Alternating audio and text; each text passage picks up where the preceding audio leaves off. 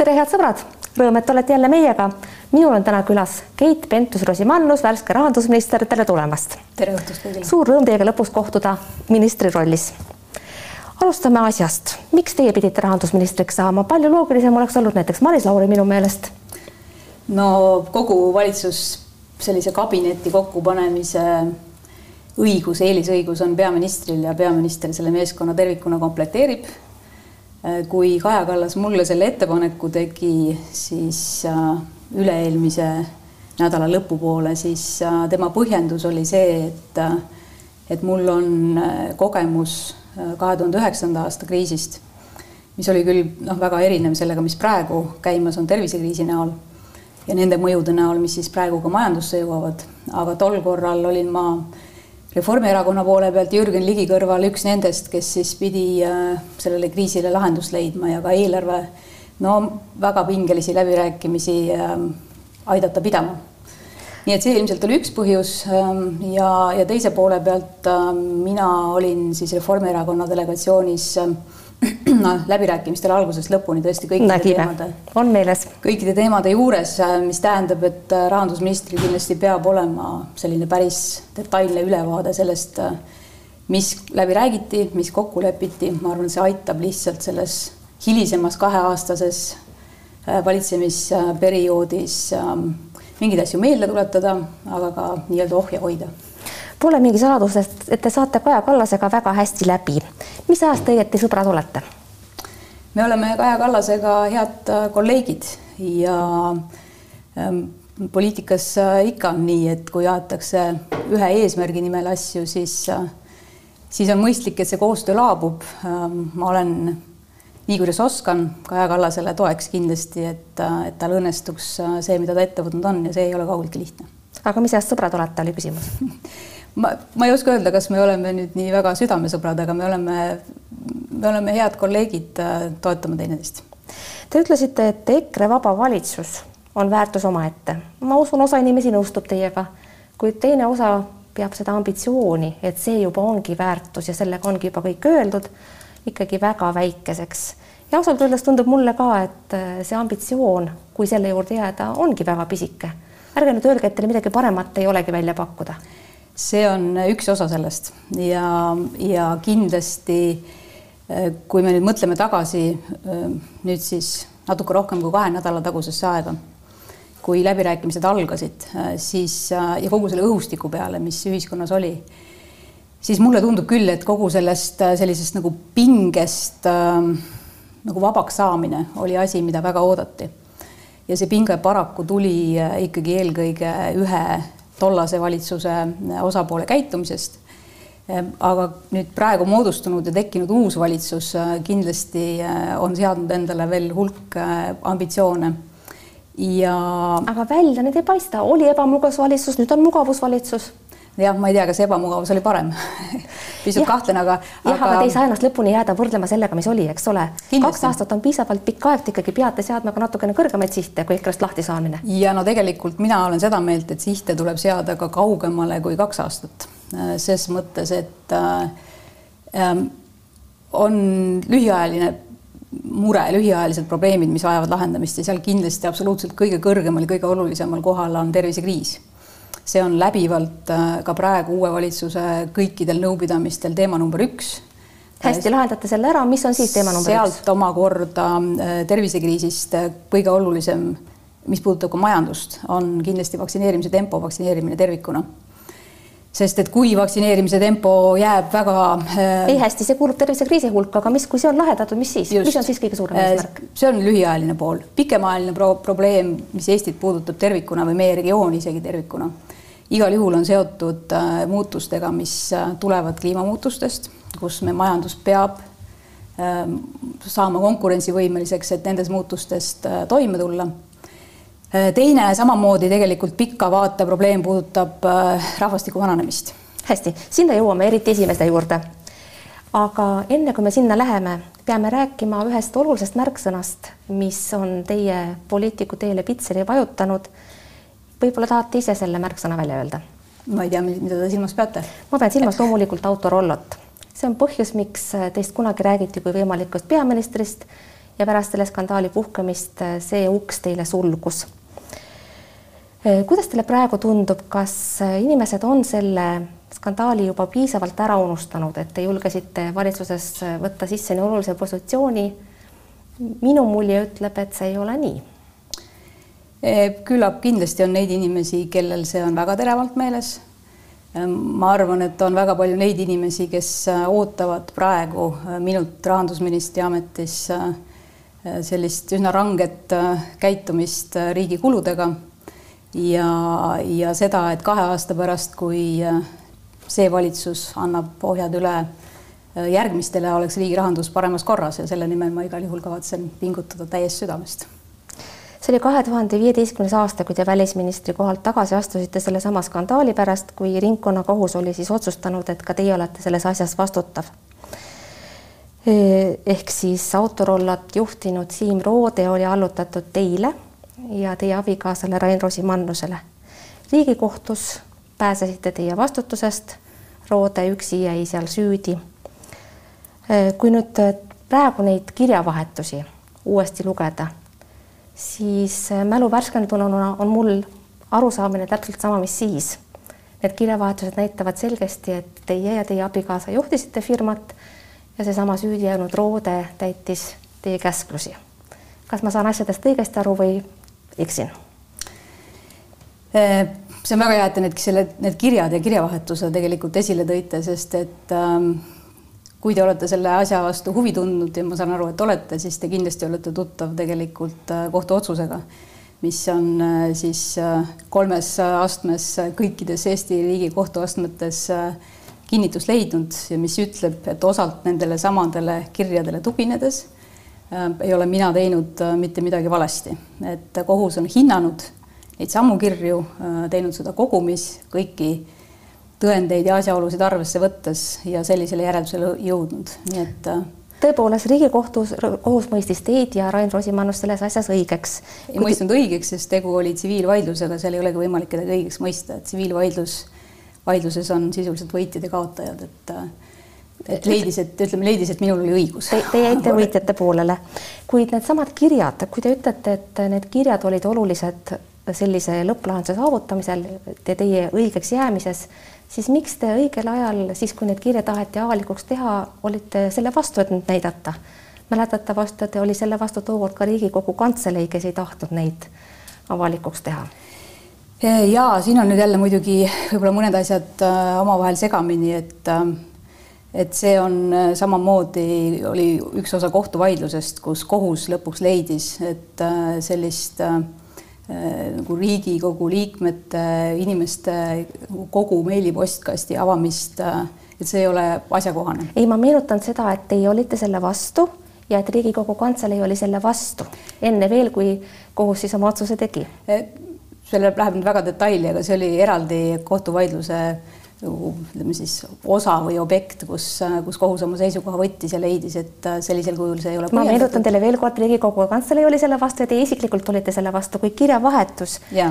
Äh, on äh, teie hinnangul näitab, et te olete kõik õigesti teinud, miks te siis ei soovinud selle avalikuks saamist? Äh, no need kirjad on ju ometigi kõik materjalides olemas ja lisatud, nii et selles mõttes isegi seda küsimust ma sellisel kujul ei oska kuidagi sellele vastata, et et pigem oli ma see. meenutan, et oli hetk, kui te seda ei soovinud, kui te seisite sellele vastu, leidsite, et teid ahistatakse ja see on läbini vale, et need kirjavahetused võiksid avalikuks saada. ja no pigem hakkas nüüd minu siis nagu meilipostkasti avamine sellest, et esimene taotlus oli kõikide minu kirjade avalikustamine, mitte avalikustamine, aga siis üleandmine vahemikus kaks tuhat kaheksa kuni kaks tuhat üksteist ja noh, seda aga nagu tõesti kohus hiljem ütles, et see oleks olnud täiesti ebaproportsionaalne. mis puudutab kõiki muid tõendeid, siis kõiki neid, mida kohus küsis ja vajalikuks pidas, me selle vaidluse käigus ka edastasime.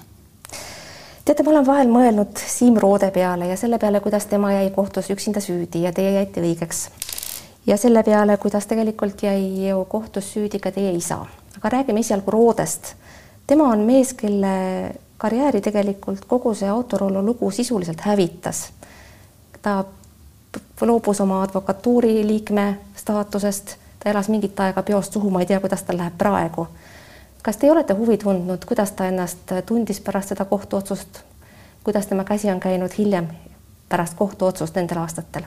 ei, ma ei ole Siim Roodega suhelnud. mitte kordagi pärast kohtuotsust? ei. aga kas teid ei ole nagu süda natukene vaevanud, mõnes mõttes ta ju noh, vähemasti nii palju, kui mina asjast aru saan, ta täitis ikkagi teie korraldusi ja tema jäi süüdi ja teie jäite õigeks ja teid ei huvitanud üldse, kuidas tal läheb? seda te nüüd äh, taaskord äh, noh, see on teie tõlgendus, äh, kohtuotsus on väitnud täiesti vastupidist.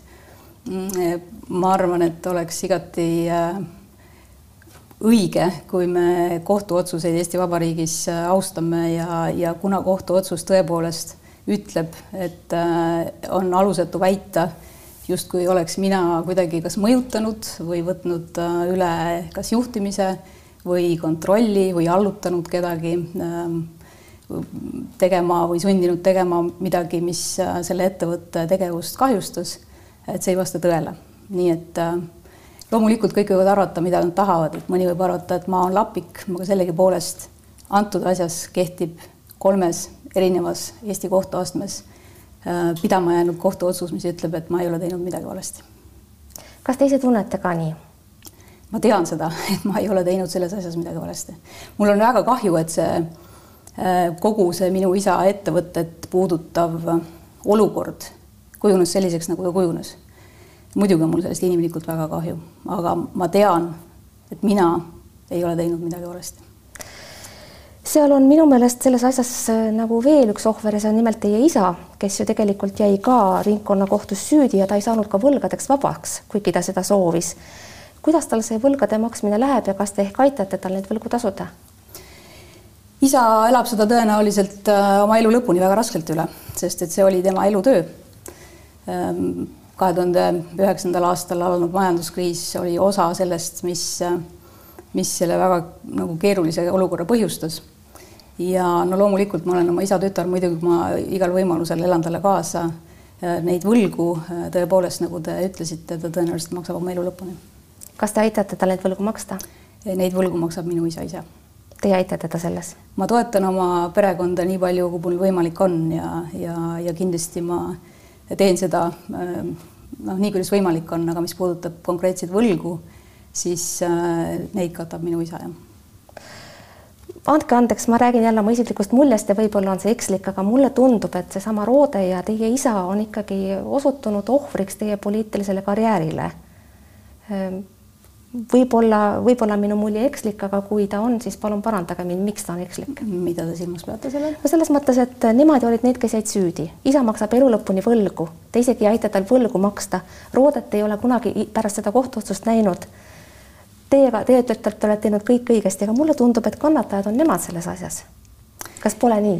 no taaskord, et äh, see oli päris pikk ja mahukas kohtuprotsess, äh, mille käigus äh, tõepoolest kohus hindas väga põhjalikult erinevad kohtuastmed seda, kes millise vastutusega selles vaidluses ja asjas on ja kohtu järeldus, mis ei puuduta mitte ainult seda lugu, vaid äh, kindlasti omab palju laiemat tähendust, on see, et et ühe äriettevõtte ähm, juhatuse liikmete tegevuse eest ei saa panna vastutama nende pereliikmeid või sugulasi.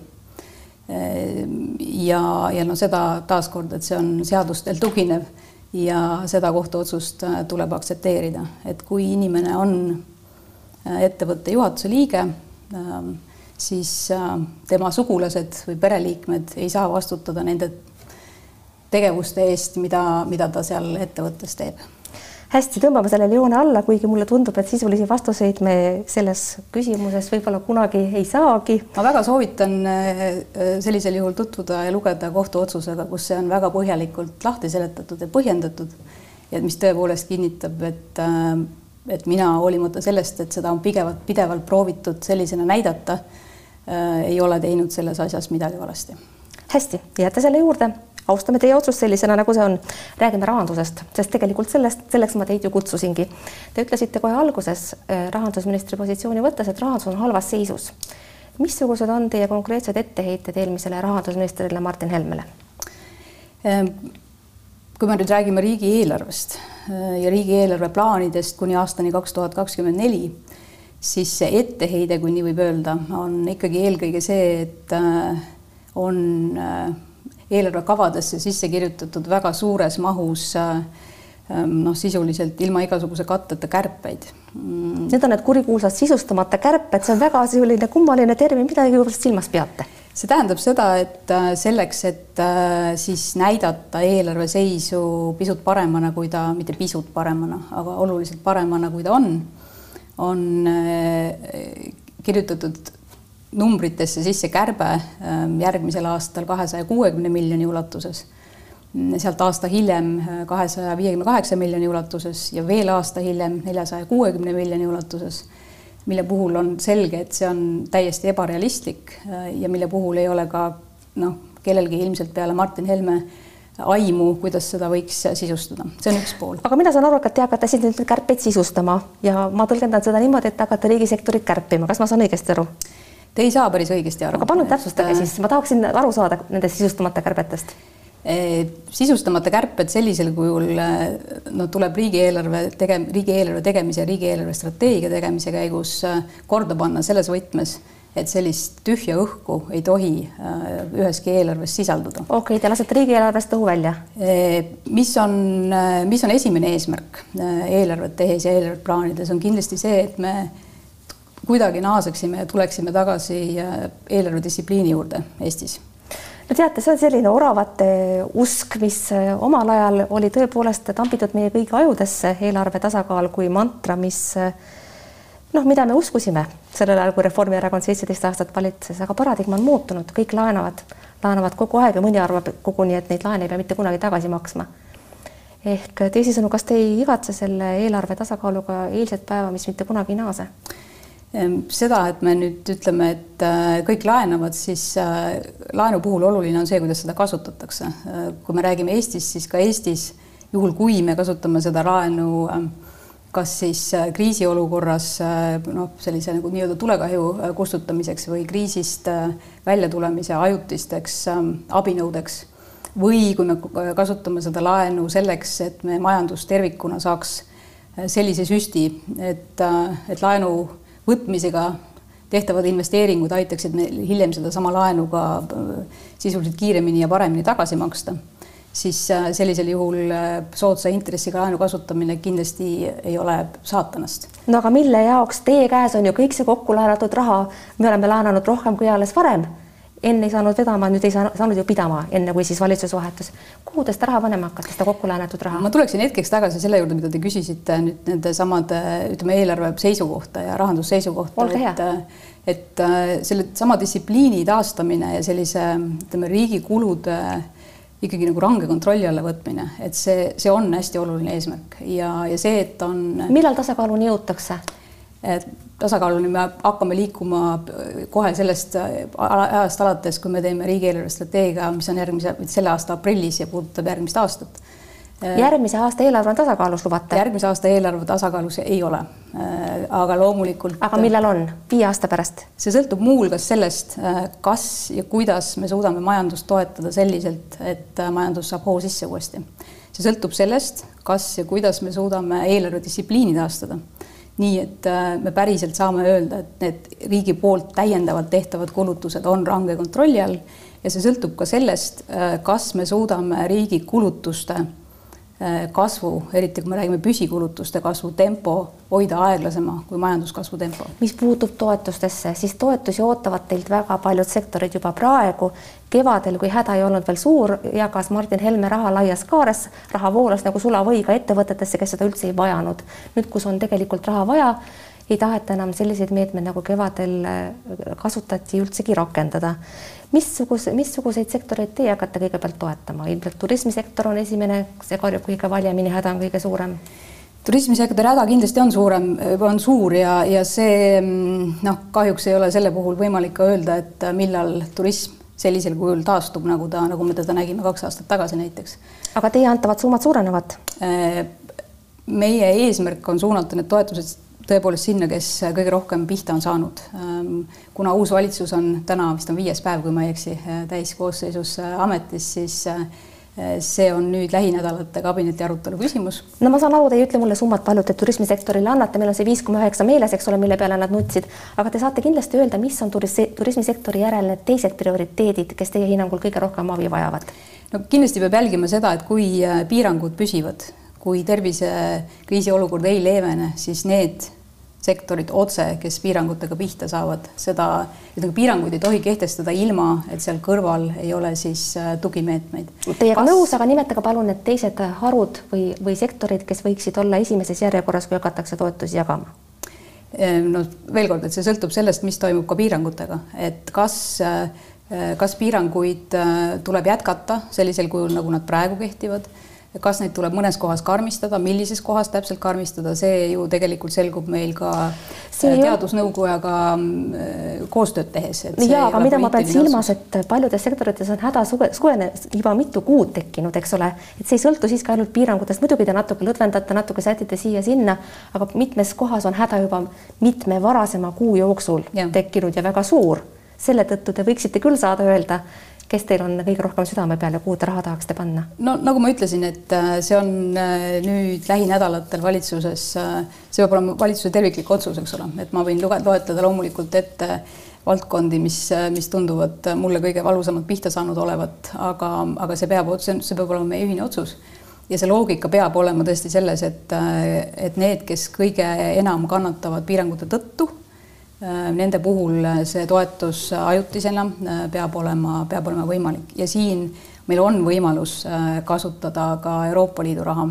soov on see, et Euroopa Liidu vahendid, mis siiamaani praegu, mida ei ole kasutusele suudetud võtta, et need ikkagi võimalikult kiiresti majandusse jõuaksid, sest okei okay., meil, meie aeg on piiratud, me peame rääkima kindlasti ka maksudest Te ütlesite mõlemad osapooled, et maksurahu tuleb, mis tähendab seda, et te praegu üldse makse ei puutu. aga olgem ausad, te võiksite vaadata natukene ka ette ja võib-olla, võib-olla tahab seesama koalitsioon jätkata ka pärast valimisi, miks mitte. mis makse tuleb tõsta, seal ei ole mingit valikut, kui te, riik tahab jätkusuutlikult oma rahakotti pidada. missuguseid makse tõstaksite teie? miks te ütlete, et ei ole mingit valikut? noh, kogu raha ei ole ju ühelgi valitsusel mitte kunagi olnud, ega see ei ole Kaja Kallasel mingi uus leiutis, kui ta ütleb, raha ei ole. kõik, kõik uued peaministrid on öelnud, et raha pole, rahandusministrid samamoodi eelarve on kinni pargitud. maksude tõstmine tõenäoliselt on ainuke valik ma ei arva, et see on ainuke valik ja Nii. ma ikkagi tulen tagasi sellesama juurde, mida ma siin mõned minutid tagasi rõhutasin. et puudutab, saada eelarve tasakaalu ja makse ei tule tõsta. see puudutab äh, riigi enda tehtavate kulutuste äh, ranget kontrolli ja distsipliini. Te hakkate kärpima? Äh, see tähendab seda, et kulutused, kui me räägime jooksvatest kulutustest, ei tohi kasvada kiiremini kui majanduskasv. see tähendab, et tuleb muuhulgas kõikidel sektoritel, kõikidel valdkondadel va vaadata väga kriitiliselt sinna sisse, mida nad ja, praegu teevad. see on teooria, mina küsin, kust te kärbite? ei, see ei ole teooria, see, see ei ole teooria, vaid see peab olema igapäevane tegutsemisnorm. jah, aga palun konkreetsemalt, kust kärbite? see peab olema igapäevane tegutsemis, tegutsemisnorm. kas avalikku sektorit kärbite?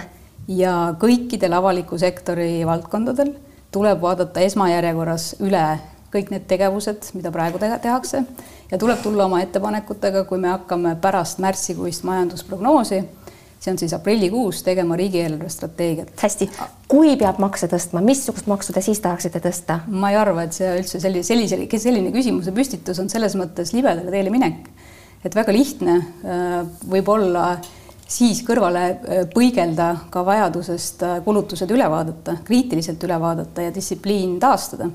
kui kuskil, ma ei tea, kaugel horisondil heljub see teadmine, et, et taga on võimalik ka makse tõsta, ei ole võimalik. Te lubate, et see valitsus juhul, noh, ütleme enne valimisi te muidugi siin praegu ei jõua makse tõstma hakata, aga kui, kui peaksite näiteks võima jätkata pärast neid valimisi selles koosseisus, siis te ka makse ei tõsta? me räägime praegu äh, nüüd nendest riigieelarve strateegiat, strateegiatest, mis me tegema hakkame ja mina olen seda meelt, et esimeses järjekorras ja tõepoolest tuleb vaadata üle äh, juba tehtavad kulutused. hästi, seda te ütlesite. tuleb leida võimalus selleks, kuidas me ka, äh, tuleb leida võimalus ka sellest, kuidas me majandust toetame. ja, ja, ja tegelikult tuleb üle vaadata ka see, kus, äh, kus riik täna üldse tegutseb. mina näiteks äh, soovin esimese saja päeva jooksul viia valitsuskabinetti memorandumi riigi osaluste kohta et me hakkaksime ette valmistama, analüüsima neid võimalusi, kus riigi osalus ei ole hädavajalik ja kus riik ähm, tõenäoliselt võiks oma osalusest vähemalt mingis osas äh, loobuda, riik ei pea igal pool tegutsema. hästi, Keit Pentus-Rosimannus, mul oli teile veel väga palju küsimusi, aga meie aeg on otsas. aitäh, et tulite stuudiosse, head sõbrad, aitäh, et vaatasite, vaadake teinekord ikka jälle. kõike head, nägemiseni, kuulmiseni